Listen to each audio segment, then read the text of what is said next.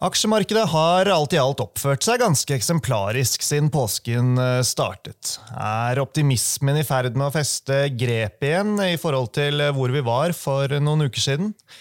Vi har også fått eh, ferske makrodata å fordøye, og resultatsesongen er snart i gang for alvor. og Alt dette her skal Paul Harper og jeg snakke mer om i dagens episode. Vi skal også innom oppdaterte analyser på både flyselskapet Norwegian, Nordic Semiconductor og oljeselskapet Okea.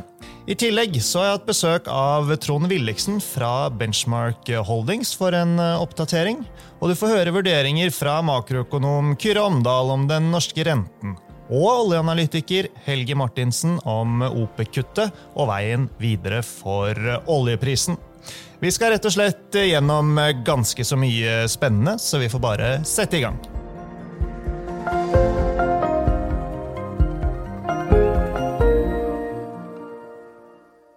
Velkommen til Utbytte, DNB-podkasten der vi forklarer hva som skjer innen globale økonomien og finansmarkedene. Jeg er Marius Brun Haugen, og med meg har jeg aksjestrateg Paul Harper. Hei, Paul. Hei, Marius. Det er eh, onsdag 12. april. Klokken har passert eh, tre på ettermiddagen når vi sitter her og spiller inn eh, episoden. Vi avsluttet jo forrige episode vi hadde sammen ved inngangen til påsken med å konkludere med at markedet og investorene kunne ha godt av noen rolige påskedager, Pål. Og det fikk vi jo. Det ser ut til å ha virket. Ja, det var egentlig relativt rolig. Kommer litt an på om man inkluderer det OPEC-kuttet, om det var før eller etter det man kaller liksom påskeperioden. Men bortsett fra det så var det relativt rolig.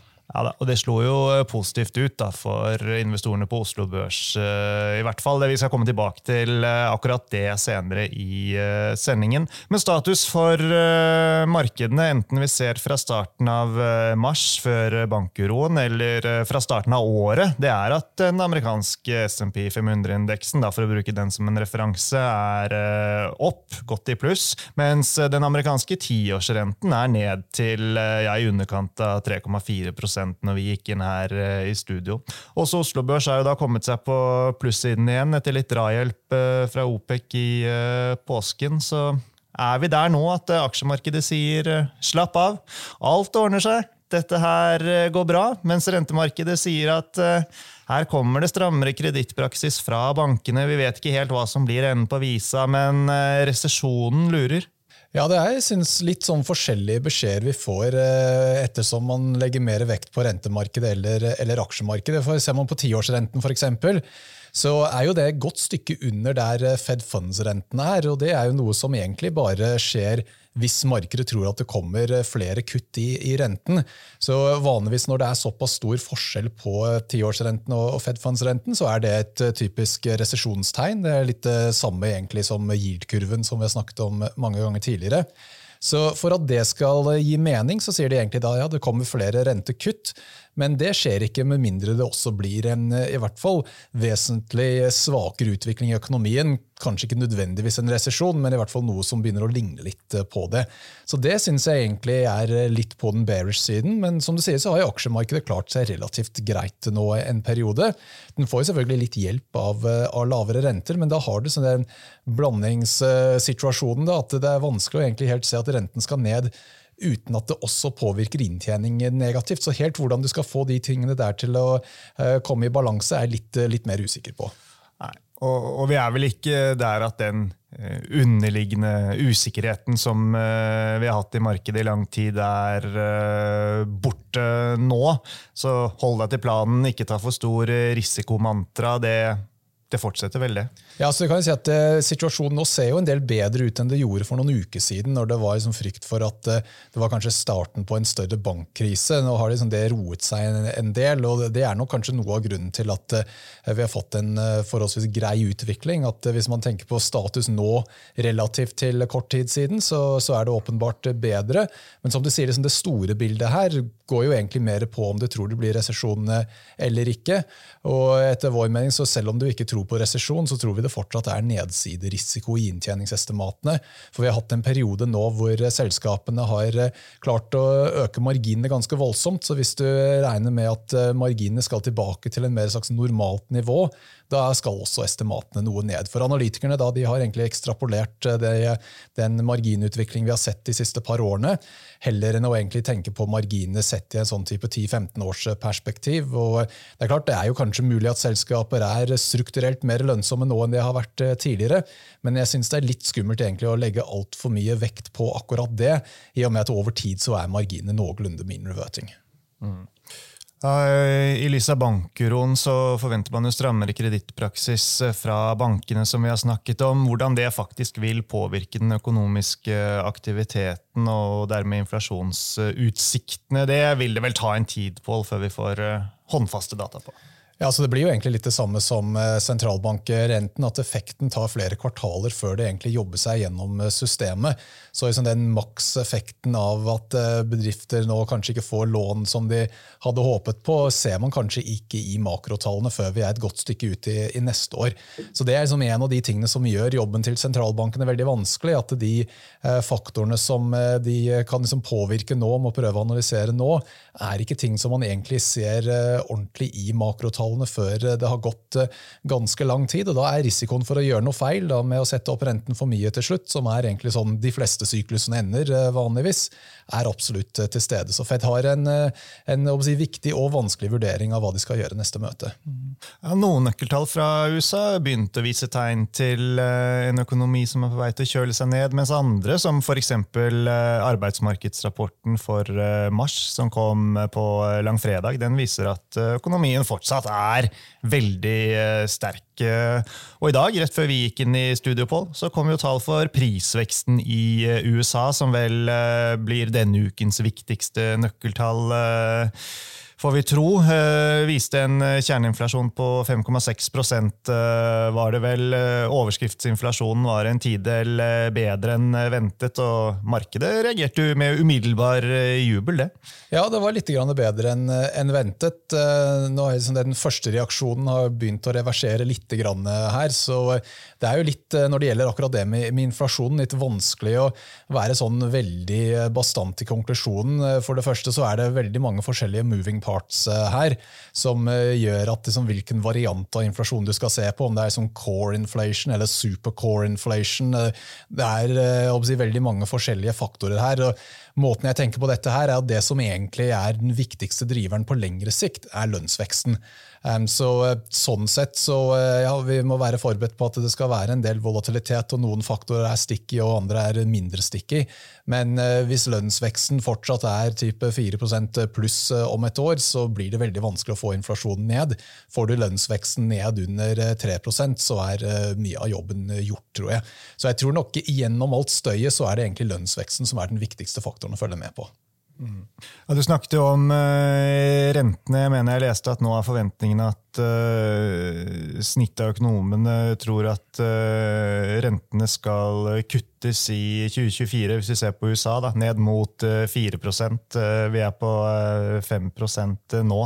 Selv så klarer jeg liksom ikke å riste av meg den der følelsen at jeg tror rentene skal videre opp en stund til, jeg. Men hva vet vel jeg? Hva, hvor, hvor står du nå?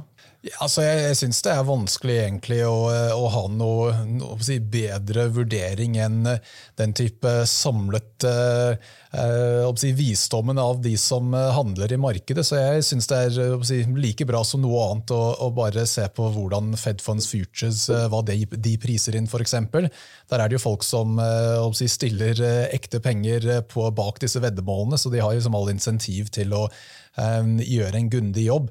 Så Når vi ser på hva Fed Funds Futures priser inn, så er det ikke fullt ut priset inn i en renteøkning til, og så etter det så begynner man å prise inn uh, kutt.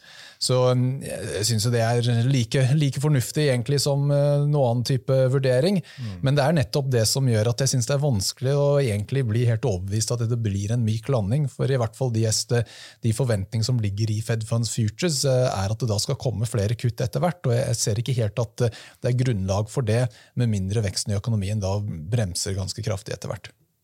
Nei, her hjemme så kom eh, flyselskapet Norwegian med trafikktall eh, i går, eh, tirsdag. Der er det lite som tyder på at dette knekkpunktet hos konsumentene i hvert fall blir nådd i morgen eller overmorgen. De leverte yield over forventning, meldte om bra trøkk i bookingen inn mot sommersesongen, og analytikeren vår Sier kjøp og gjentar kursmålet på 16 eh, kroner. Eh, aksjen er i 10 nå. Noen tanker om eh, Norwegian case, Paul? Ja, så som du sier, Det er et veldig interessant eh, selskap å følge med på, nettopp fordi at eh, det er ikke så lett å se at eh, konsumentene sliter med økonomien, når de i hvert fall ser på hva Norwegian sier. Så På den ene siden så hører man mye problemer som enkelte har da med, strømpriser og, og, høyere renter, men det er ikke like lett å se det i i hvert fall tallene til Norwegian enda. Um, og det, det, illustrerer egentlig litt uh, av en av de punktene som veldig, gjør jobben til sentralbanken veldig vanskelig. at uh, de, de, Det er fortsatt mer penger uh, på bok hos de fleste enn det pleier å være, som fortsatt er liksom en av de faktorene som henger igjen etter covid-perioden. Hvor det var egentlig en periode med tvangssparing, hvor du rett og slett hadde ikke mulighet til å bruke penger. Så liksom, Hvor fort eh, det blir eh, dratt eh, ned Det er jo sånn at du fortsatt har en, en buffer å, å, jobbe igjennom, men på et eller annet tidspunkt så sier konsumenten at nå, nå, tør vi ikke å bruke mer enn vi, vi, har i inntekt. Men helt hvor det punktet kommer, er vanskelig å si. Og kanskje blant nordmenn så har vi vært såpass godt vant nå at det er lenge siden vi egentlig har hatt noe ordentlig motgang eh, i økonomien. At det er nok kanskje en viss risiko for at enkelte da egentlig bare kjører den eh, sparebufferen helt ned i null og regner med at eh, før eller senere så, så, går dette bra, som det alltid gjør. Og at det da plutselig blir en del som kanskje strekker seg litt for langt nå med å prioritere ferier osv. Hvor de kanskje hadde hatt bedre av å, å beholde en buffer. Mm. Nei, Vi vet ikke hvor dette knektpunktet er, men eh, det betyr jo også at hvis det tar litt lengre tid enn det mange tror, så kan det være mer eh, moro igjen for de som eh, vil være aksjonærer i Norwegian. I hvert fall i det korte bildet. da. Ja, så jeg tror Det er liksom et, et, godt eksempel på en situasjon hvor det som følger med på aksjekursen, er, er ganske spennende. Så Litt sånn som det var i, innenfor f.eks. container i fjor, hvor containerratene var fortsatt fantastisk, men MPC Container klarte liksom ikke aksjekursen, gjorde ikke så voldsomt mye i løpet av eh, den perioden. For det var nettopp det at markedet alltid ser fremover. Så hvis vi ser at Norwegian ikke egentlig leverer noe spesielt bra avkastning til tross for at du har disse gode nyhetene, så kan man egentlig tolke det som at markedet som begynner å lukte at eh, ja, det går kanskje greit i sommer, men så får man en hard landing eh, til høsten eller begynnelsen av neste år.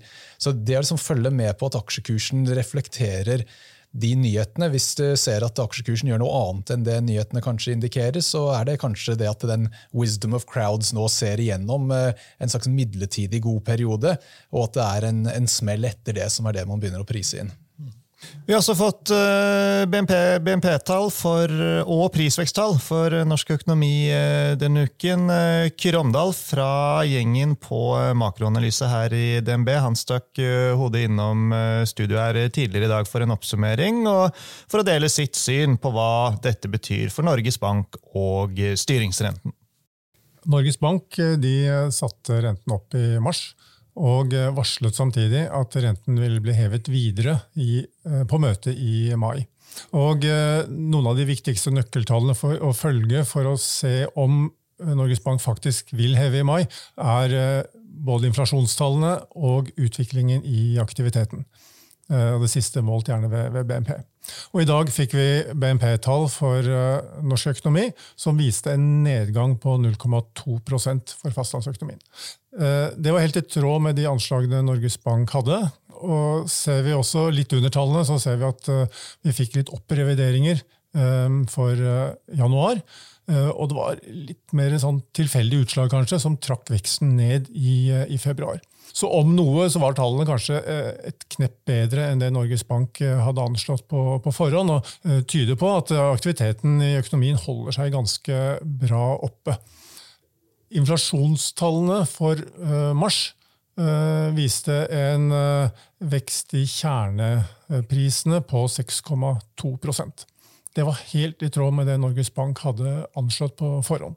Eh, samlet eh, prisvekst var noe høyere, 6,5% og sterkere Norges Bank eh, hadde anslått. Men dette må i stor grad tilskrives litt si, tilfeldige svingninger i elektrisitetsprisene. Og her tror vi nok vi kommer til å få ganske betydelig fall i veksttakten når vi ser fremover i, år. Så For eh, disse to hovedkomponentene så har utviklingen vært helt i tråd med forventningene, eller kanskje litt på, på, oppsiden. Og Da er det ingen grunn for Norges Bank til å avlyse den renteøkningen de hadde planlagt for, eh, for mai. De siste dagene har det også vært ganske mye volatilitet i eh, den norske kronen. Og det var en viktig faktor for, for sentralbanken. Det er imidlertid slik at de lar seg nok ikke påvirke av de veldig kortsiktige svingningene. Eh, når de skal fastsette renten. Så eh, det har nok lite betydning i forhold til eh, renteøkningen som planlegges for mai. Ja, Pål. Hva er det som betyr mye for både Oslo Børs og også utviklingen i norsk økonomi, som vi ikke har gjort noe annet enn å bare touche innom så langt? Veldig vanskelig å komme unna alle når det gjelder eh, Oslo Børs, så det er nok det du sikter til, ja, tipper jeg? Det er det, vet du. Den var ikke vanskelig, den. Der uh, OPEC de tok oss litt på sengen, det kan vi vel si, i starten av påsken med et overraskende nytt produksjonskutt på 1,15 millioner fat per dag fra mai og til årsslutt. I tillegg så sa Russland at de vil eh, fortsette det annonserte kuttet på en halv million fat per dag fram til eh, årsslutt. Og nå skal vi få høre hvordan eh, oljehøvdingen vår her på huset, Helge André Martinsen, vurderer dette og veien videre for oljeprisen. Vi tenkte vi må se på noen elementer ved dette kuttet som er litt spesielt. Det ene er at det er et frivillig kutt, så det holdes egentlig utenfor OPEC pluss-samarbeidet. Det er ingen konsensusbeslutning. Uh, det betyr også at disse kuttene kan raskt reverseres uten noe, utenom OPEC-møtene. Punkt to er at vi tror disse kuttene blir veldig effektive, kanskje over 80 effektive. og Det er fordi at disse få landene da, som er med på dette kuttet, Eh, produserer nær produksjonskvotene, så, så, dette kuttet blir eh, veldig reelt. Og Ser vi på hvordan dette kommer til å påvirke oljemarkedsbalansen, og, og vi ser på hvordan balansen så ut før disse kuttene, så vippet eh, markedet da på åretall i undersupply fra juni, og, og lå med et underskudd i andre halvår på 600 000 fat per dag. Med disse kuttene, alt annet like, så vipper oljemarkedet nå i undersupply fra mai og underskuddet på oljemarkedet blir i snitt av 1,5 millioner fat i andre halvår. Og det betyr at vi får en eh, betydelig tilstramming eh, i, i oljemarkedet fra, fra, dagens nivå. Eh, så vi får en kombinasjon av stramt marked, lagertrekk og fortsatt relativt lav ledig produksjonskapasitet globalt som gjør at vi eh, tror oljeprisen kan eh, snike seg over eh, den magiske 100-dollarsgrensen i løpet av høsten. Ja, Pål, hva tror du ligger bak OPECs kutt? Har du noen spennende teorier? Jeg tror det enkleste forklaringer er som regel det som viser seg å være riktig. og De har jo åpenbart en egeninteresse av å sørge for at oljeprisen er helst 80 pluss eller en, eh, et eller annet sted under 80. Så jeg tror ikke det er så veldig mye mer komplisert eh, enn det.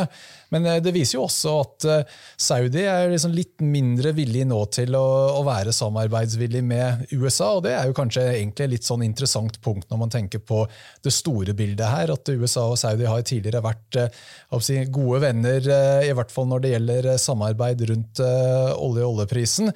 Mens den relasjonen der, i hvert fall med, med Biden Biden og eh, ledelsen i Saudi har blitt en del kjøligere. Så klart det er noe som eh, kanskje også har litt eh, større implikasjoner utover akkurat oljeprisen. Så det er kanskje det som er mest interessant av dette her, syns jeg.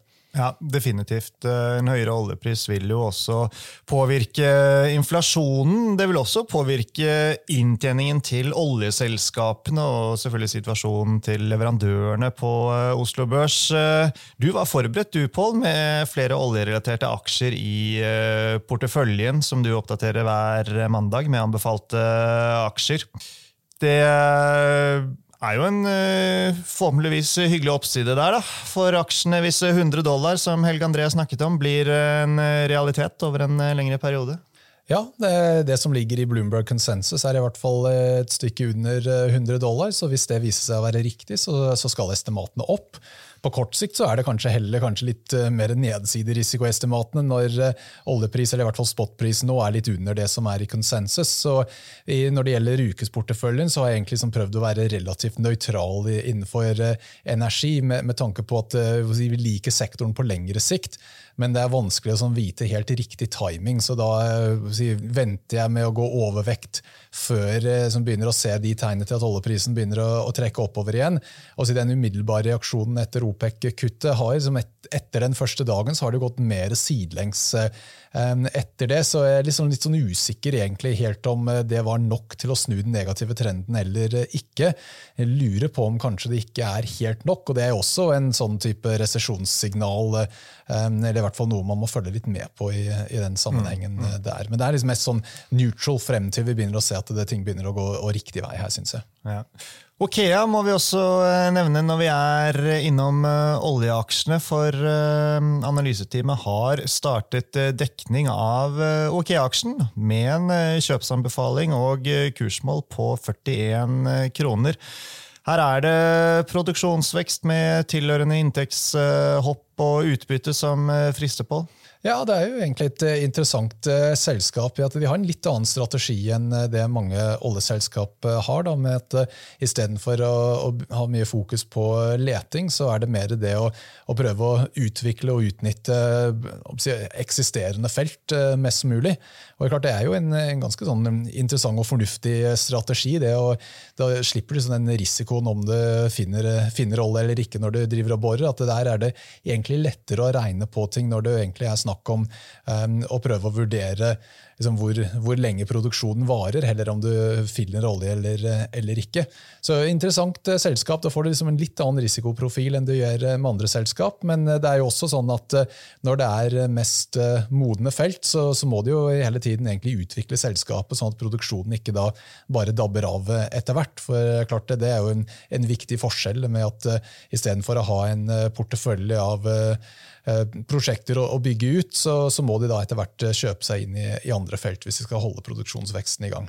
Ja, ikke sant? Og, og, og, hvorfor skal man eie Okea istedenfor Aker BP eller Equinor eller Vår Energi? og eh, Det Steffen Evjen, da, som er analytikeren vår på caset, som har vært der flere ganger i podkasten, uh, sier, det er jo liksom at det som skiller Okea fra de andre, det er at de har en sterkere kontantstrøm i det korte bildet, og at oppsiden relaterer seg til evnen til å øke reserver og produksjon nettopp fra disse eksisterende feltene. Så det blir mer sånn kort kortsyklisk. da, Man slipper mer langsiktig eh, prosjektrisiko.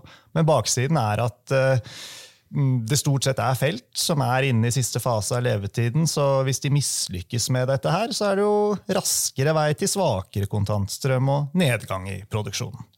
Ja, det er jo alltid litt eh, sånn at du må, må, velge den risikoprofilen du vil ha, og være klar over hvilke veddemål du egentlig tar når det gjelder disse energiselskapene. Og klart liksom Det å, unngå exploration-risiko er, er, en positiv, men som du sier, liksom den langsiktige veksten da blir vanskeligere egentlig å, å vurdere, for da må de liksom sette av penger til å, å, gjøre ytterligere kjøp etter hvert. Mm. Avslutningsvis i dag så skal vi snakke litt om eh, Nordic eh, Semiconductor og forventningene inn mot eh, rapporteringssesongen. Men nå skal det handle om Benchmark Holdings, som ble børsnotert i desember i fjor. Selskapet er bl.a. leverandør av lakseegg og genetikk til oppdrettsbransjen. De er eh, leverandør av eh, fôr til den eh, globale rekeindustrien, og så har de egne løsninger for behandling av lakselus. Og tidligere i dag hadde jeg besøk her i studio av Trond Williksen, som er sjefen i Benchmark Holdings, for å få en kort status og løypemelding.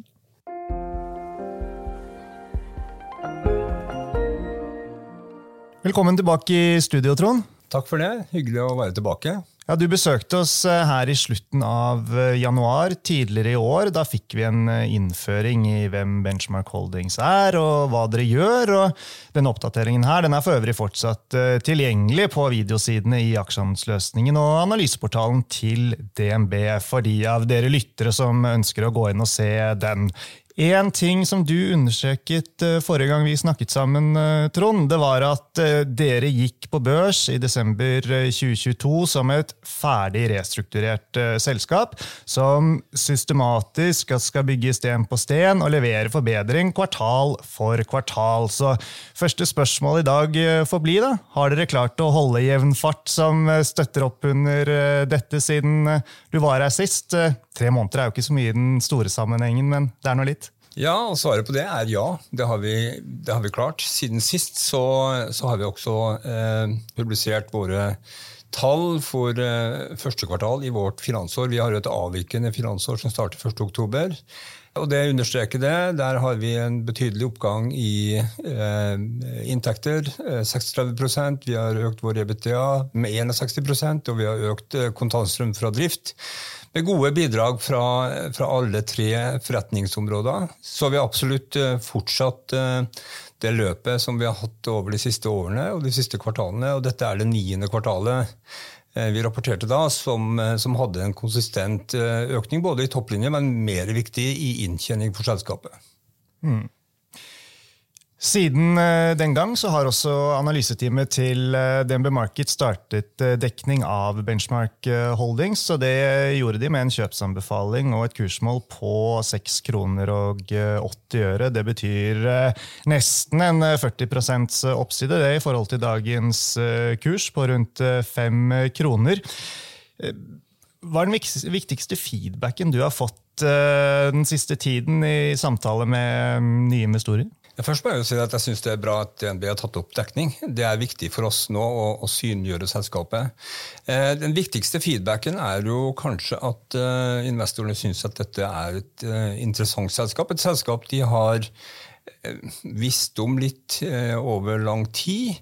Eh, som har kommet ut i en ny drakt, men som kanskje ikke har vært så veldig eh, kjent i Norge, og, så mye profilert i Norge og rundt Oslo Børs for investorer her. Så det er jo, det er jo veldig eh, viktig for oss nå å, å, å synliggjøre hva, hva, dette selskapet er, og hvilket potensial som er i det. Det andre viktige feedbacken er jo at folk legger merke til den progresjonen vi har hatt siden vi gjorde restruktureringen eh, ved slutten av, eh, av vårt finansår 2020, og ser den konsistente forbedringen vi har i, i drift. Og, og, Det er også veldig viktig for oss å, å fortsette den utviklingen i selskapet og ta ut potensialet i det som ligger i benchmark. Mm. Dere har jo et bredt spenn i eh, forretningsområdene. Vi skal touche inn på et par av de eh, etterpå. Eh, det gjør at det ikke er så enkelt å finne sånn direkte sammenlignbare aksjer som gjør akkurat det dere gjør. Er det noe du opplever at investorene misforstår når det kommer til hva som er investeringscase i benchmark? Jeg vil ikke si at de misforstår det. Det er jo slik at Vi har tre forretningsområder, og det krever litt, eh, selvfølgelig litt tid å sette seg inn i hva disse tre forretningsområdene er. Jeg tror det heller eh, reflekterer litt over at, eh, at investorer blir litt overraska over hvor relevant vårt fotavtrykk er i, i akvakulturnæringen. Altså, I Norge man, er man jo veldig vant til lakseselskaper som har et veldig relevant eh, fotavtrykk innenfor eh, laks og er en veldig sånn bedt på lakseindustrien. Det er også vi, men vi har jo eh, en mye bredere, altså et mye bredere, bredere eh, fotavtrykk i eh, den, den, store akvakulturindustrien, også internasjonalt. Det tror jeg eh, overrasker noen. Eh, så tror jeg noen eh, trenger litt tid på å forstå måte, kjernen i strategien vår. Det at vi er innenfor akvakultur, at vi har et relevant fotavtrykk der. Eh, at vi er markedsledende på det vi gjør. Og vi gjør kun ting hvor vi kan være markedsledende, eller er markedsledende, eller kan være markedsledende. Det forholdet at vi er, leverer høyt spesialiserte produkter og løsninger som, som, gir høye marginer. Vi er ikke i commodity. Eh, og det forholdet at, at, eh, som er en viktig del av vår strategi også, at vi driver kun å levere ting som er mission critical. Dvs. Si at eh, vi ikke så avhengig av svingninger i, i akvakulturindustrien som, som andre aktører er. Forrige gang vi snakket sammen, da trakk du også fram noen uh, viktige milepæler som jeg tenkte kunne være greit å få en oppdatering uh, fra deg på uh, hvordan det går. og Det ene det var uh, forretningsområdet helse. Uh, og Analytikerne våre de venter jo bl.a. at utrullingen av nettopp nye løsninger mot lakselus, som dette området dreier seg om, vil gi en stigende omsetning og inntjening for fiskehelseområdet i årene fremover. Så spørsmålet blir vel, er dere på rett vei? Altså, Hva er det viktigste som har skjedd her så langt i år? Absolutt på rett vei, og det viser jo tallene for vårt første kvartal i finansåret 23. Eh, altså, eh, hvis du sammenligner det med, med, et år tilbake, så går det nesten fra null til eh, over 4 millioner pund i EBITDA på dette forretningsområdet. Så det viser jo på mange måter potensialet, selv om vi er jeg betrakter det også være i en veldig tidlig fase når det gjelder utrullingen av, av, den løsningen også. Det viktigste innenfor det området er jo at vi har fått et økt opptak av løsningen. Vi ser stadig flere oppdrettere bruker den. Eh, og Det reflekterer jo seg i, i tallene. Og så er det jo den kontinuerlige jobben vi, vi, gjør med å forbedre vår operasjon. Vi har hatt gode forbedringer i, i eh, blitt mer effektive i vår operasjon på, på området. Eh, og også å, å, bli mer capital light i løsningen. Vi har bl.a. inngått et samarbeid med MMC, som er en ledende leverandør av av teknologi til brønnbåter, og, og, Salt, som er et ledende designselskap, for å integrere clean treat-systemet inn i brønnbåter. og Det vil gjøre løsningen mer integrert, eh, billigere for eh, oppdretter. Eh, og også mer capital light for oss som, som leverandør. Mm. Ja, for Av produktene her så trakk du vel fram forrige gang Ektosan, er det ikke det det heter? Som er lusebehandling som du bruker sammen med dette du nevnte, Clean Treat, Clean treat ja. Eh, som er vannrensing. Ehm, det som er positivt her, er det at dere ser økt villighet av eh, kunden og næringen til å, å, å, bruke dette her? Ja, vi ser økt villighet. og Vi må ta inn over oss det. og Dette er ofte litt vanskelig å ta inn over seg når du har noe som du mener er en veldig god løsning. at Selv om du har en veldig god løsning som er veldig effektiv for å fjerne lus og er miljømessig, det renser vannet etter badebehandlingen, så tar det litt tid for oppdretterne å bli vant til løsningen og ta det inn i, i verktøykassa si. For de har allerede andre verktøy som de bruker. Eh, så noe av det viktigste som har skjedd, er jo på mange måter at eh, flere og flere oppdrettere ser eh, hva dette er, og, og, og bruker det. Mm. Hva er det dere gjør da, for å overbevise dem til å bruke eh, deres midler istedenfor det de har vært vant til å bruke? Nei, det er jo, altså alle ser jo på lakselus som en av de store utfordringene eh, for næringen. Det er mange måter noe som capper næringen, eh, og som har enorme kostnader. Så den beste måten å overbevise en kunde på, er å vise dette i praksis. Eh, la kunden få prøve det, erfare det. og når én kunde gjør det, så er næringen slik at da hører ofte de andre på hva som er bra, og da sprer det seg gradvis, men det tar litt tid. Mm. Det andre du eh, trakk fram når eh, du var her forrige gang, det var å lykkes med ulike vekstinitiativer innen eh, genetikkområdet. Så går salget her som planlagt? Vel, eh, det går framover, og det har en progresjon. Eh, et salg går aldri som planlagt. Et salg går aldri raskt nok eh, for noen. Det er jo slik det er, men vi føler at vi er på god vei. Det er jo egentlig to store vekstfaktorer der. Det ene er vår satsing på å introdusere laksegenetikk i Chile, hvor vi er velinvestert og hvor vi jobber med å penetrere markedet på en, på en ansvarlig måte. Det går fremover. Eh, men igjen så er vi tilbake til samme type problemstilling. Liksom, vi ønsker jo alltid at det skal skje raskere, men det tar litt tid å bygge relasjoner til kunde og bygge på en måte trygghet rundt det produktet vi har. Og, og vi er på den veien når det gjelder eh, vår satsing på laksegenetikk i, i Chile. Det andre store vektoren er jo eh, rekegenetikk, hvor vi har gjort grunnarbeidet. Vi har en veldig god avlskjerne som er høy kvalitets. Eh, og som vi brukte siste år på den første kommersielle runden på. Vi høster nå erfaringen fra den runden, og Forskjellen mellom et rekemarked og et laksemarked er at uh, i et rekemarked så er det ikke one size fits all. Det er store variasjoner mellom de ulike geografiske produksjonsområdene. Så vi bruker litt dette året her til å tune genetikken for å tilpasse den de ulike produksjonsforholdene rundt om i de ulike viktige produksjonsregionene. Så det er vårt fokus nå. Og så vil vi se effekten av det igjen når vi kommer ut med nye runder av genetikk fra slutten av dette året og utover. Mm. Dere er notert på Euronext Growth, altså hva skal vi kalle det? Juniorbørsen, pleier jeg av og til å si i dag. Men dere sikter fortsatt mot hovedlisten, gjør dere ikke det, Trond? Det gjør vi.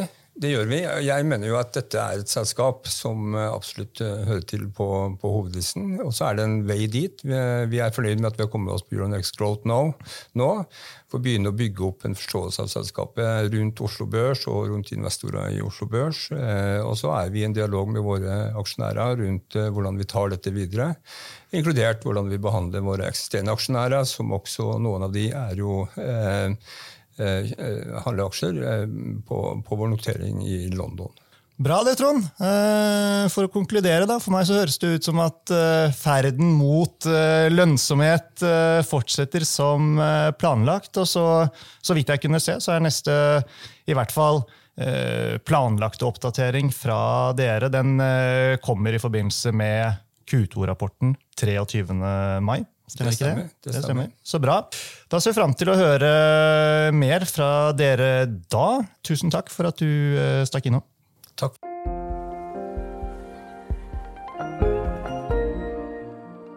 Ja, Paul, Benchmark Holdings er eh, spennende aksjer, så eh, det er litt krevende å sette seg inn i, da, ettersom det er flere ulike produkter og eh, tjenester de holder på med. Men man blir jo kjent med dette her jo mer man leser seg opp og, og følger med. Aksjen er dessverre foreløpig ganske så lite likvid, da, men det endrer seg jo forhåpentligvis dersom de leverer som analytikerne våre tror at de vil eh, gjøre. Men det gjenstår eh, å se. Nå skal vi snakke om eh, Nordic Semiconductor. Tirsdag denne uken så sendte analyseteamet ut en oppdatering på den, der de kuttet kursmålet fra 230 til 195 kroner, men gjentar kjøpsanbefalingen. Og Nordic, som vi har snakket om en del ganger før, Paul, eh, de er jo godt posisjonert i chip-verden. De, de, tjener penger, eh, men så har vi dette med rente og resesjonsbakteppet, da, pluss eh, at det er litt sånn leveranseutfordringer og, og, andre ting. I sum er Nordic nå en litt sånn tålmodighetsaksje. Ja, jeg synes det er vanskelig med en gang selskaper begynner å, å få negative estimatjusteringer så syns jeg det blir veldig vanskelig egentlig å vurdere som prising om det er riktig eller ikke. For klart, all prisingsmultipler da, som er basert på inntjening, så, så må du liksom legge til grunn at inntjeningsforventningen er noenlunde riktig. Um, men da hvis du ser at har hatt flere kvartaler nå hvor estimater har blitt kuttet, så må du da begynne å legge til en ekstra discount til den uh, P-multiplen eller hvilken multipler det er du, du, velger å bruke. Så jeg syns det er veldig vanskelig akkurat nå egentlig prøve å regne seg frem til hva er egentlig fair value i, i denne aksjen. Så for, for, min del, før jeg liksom ville vurdere å ta det inn i ukesporteføljen igjen, så vil jeg egentlig se at de klarer å uh, få litt stabilitet i inntjeningsforventninger. At de helst klarer å rapportere en bra nok kvartal til at analytikerne slipper å, å, måtte kutte estimatene videre. og Da kan man i det, i det minste være litt mer trygg på at uh, det som ligger i forventninger, er noe som de klarer å oppnå. Men fra et litt sånn eh, big picture-perspektiv er eh, Nordic eh, Semiconductor et godt eksempel på en aksje man skal eie hvis resesjonen blir mild og, og rentene samtidig blir kuttet? Altså, Nordic er litt sånn at det, det, det, er i to forskjellige segmenter på, på et vis. og Det er en sånn strukturell vekstcase. som du kan si at Da er det ikke så avhengig av eh, veksten i, i økonomien.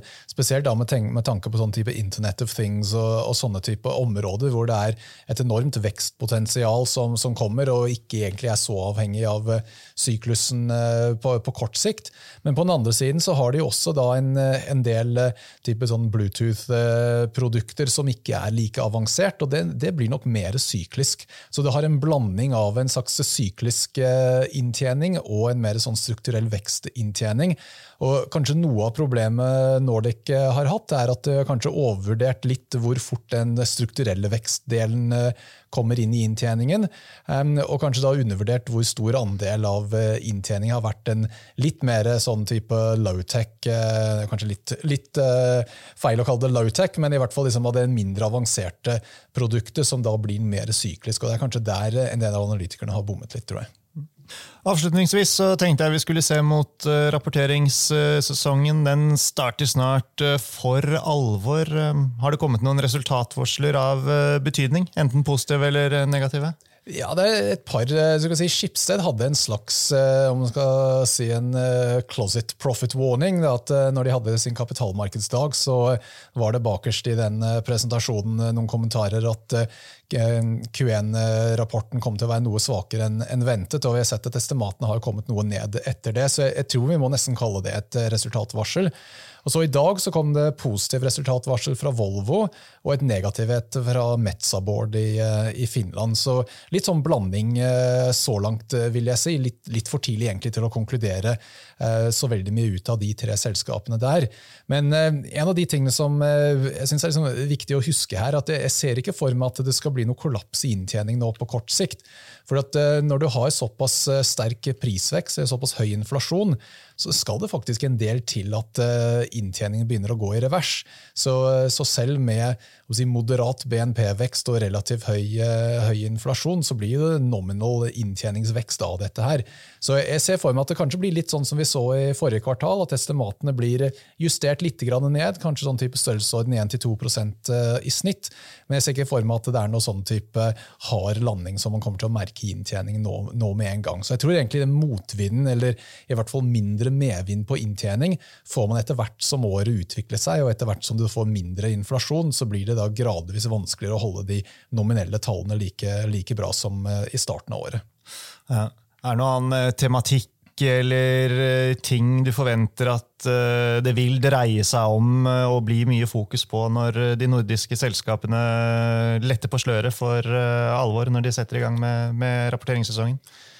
Ja, så jeg vet ikke om det er sånn spesifikt til eh, Norden, men i hvert fall et tema som jeg tror blir interessant, det er å, høre hva selskapene har å si rundt eh, tilgang til finansiering. For uh, med tanke på den si, nesten-bankkrisen vi har hatt, så har vi sett at bankene har strammet inn på, på, lånevilkår allerede. Og mest sannsynlig da når vi får ytterligere oppdatering på dette, her, så kommer det til å ha blitt strammet inn enda litt, litt mer enn det. Så det å liksom se til hvilken grad er det selskapet setter eh, prosjekter på vent, det som noe av den veksten som kanskje ligger i estimater for eh, neste år, kanskje blir ikke noe av hvis prosjekter blir, eh, blir utsatt. Så det blir sånne type ting som jeg kanskje tror kan være mest interessant, men det blir jo mer et sånt globalt uh, tema heller enn mm, bare mm. et uh, nordisk tema. Mm. Ok, da har vi kommet til veis ende for uh, i dag. Uh, da gjenstår det egentlig bare å si tusen takk, Pål, for at du var med, og ikke minst til eh, alle de andre som eh, bidro til eh, episoden. Både Trond Kyrre og Helge André. Og så får jeg si at uh, Liker du podkasten, så uh, vil vi gjerne at du legger igjen en uh, kommentar eller gir oss en hyggelig rating. Og dersom du ønsker, har ønsker om gjester vi skal invitere, temaer vi skal ta opp eller aksjer vi skal kommentere, så kan du sende oss en mail på utbyttepodden at dnb.no. Med det så runder vi av for nå. Tusen takk for følget, folkens, og på gjenhør!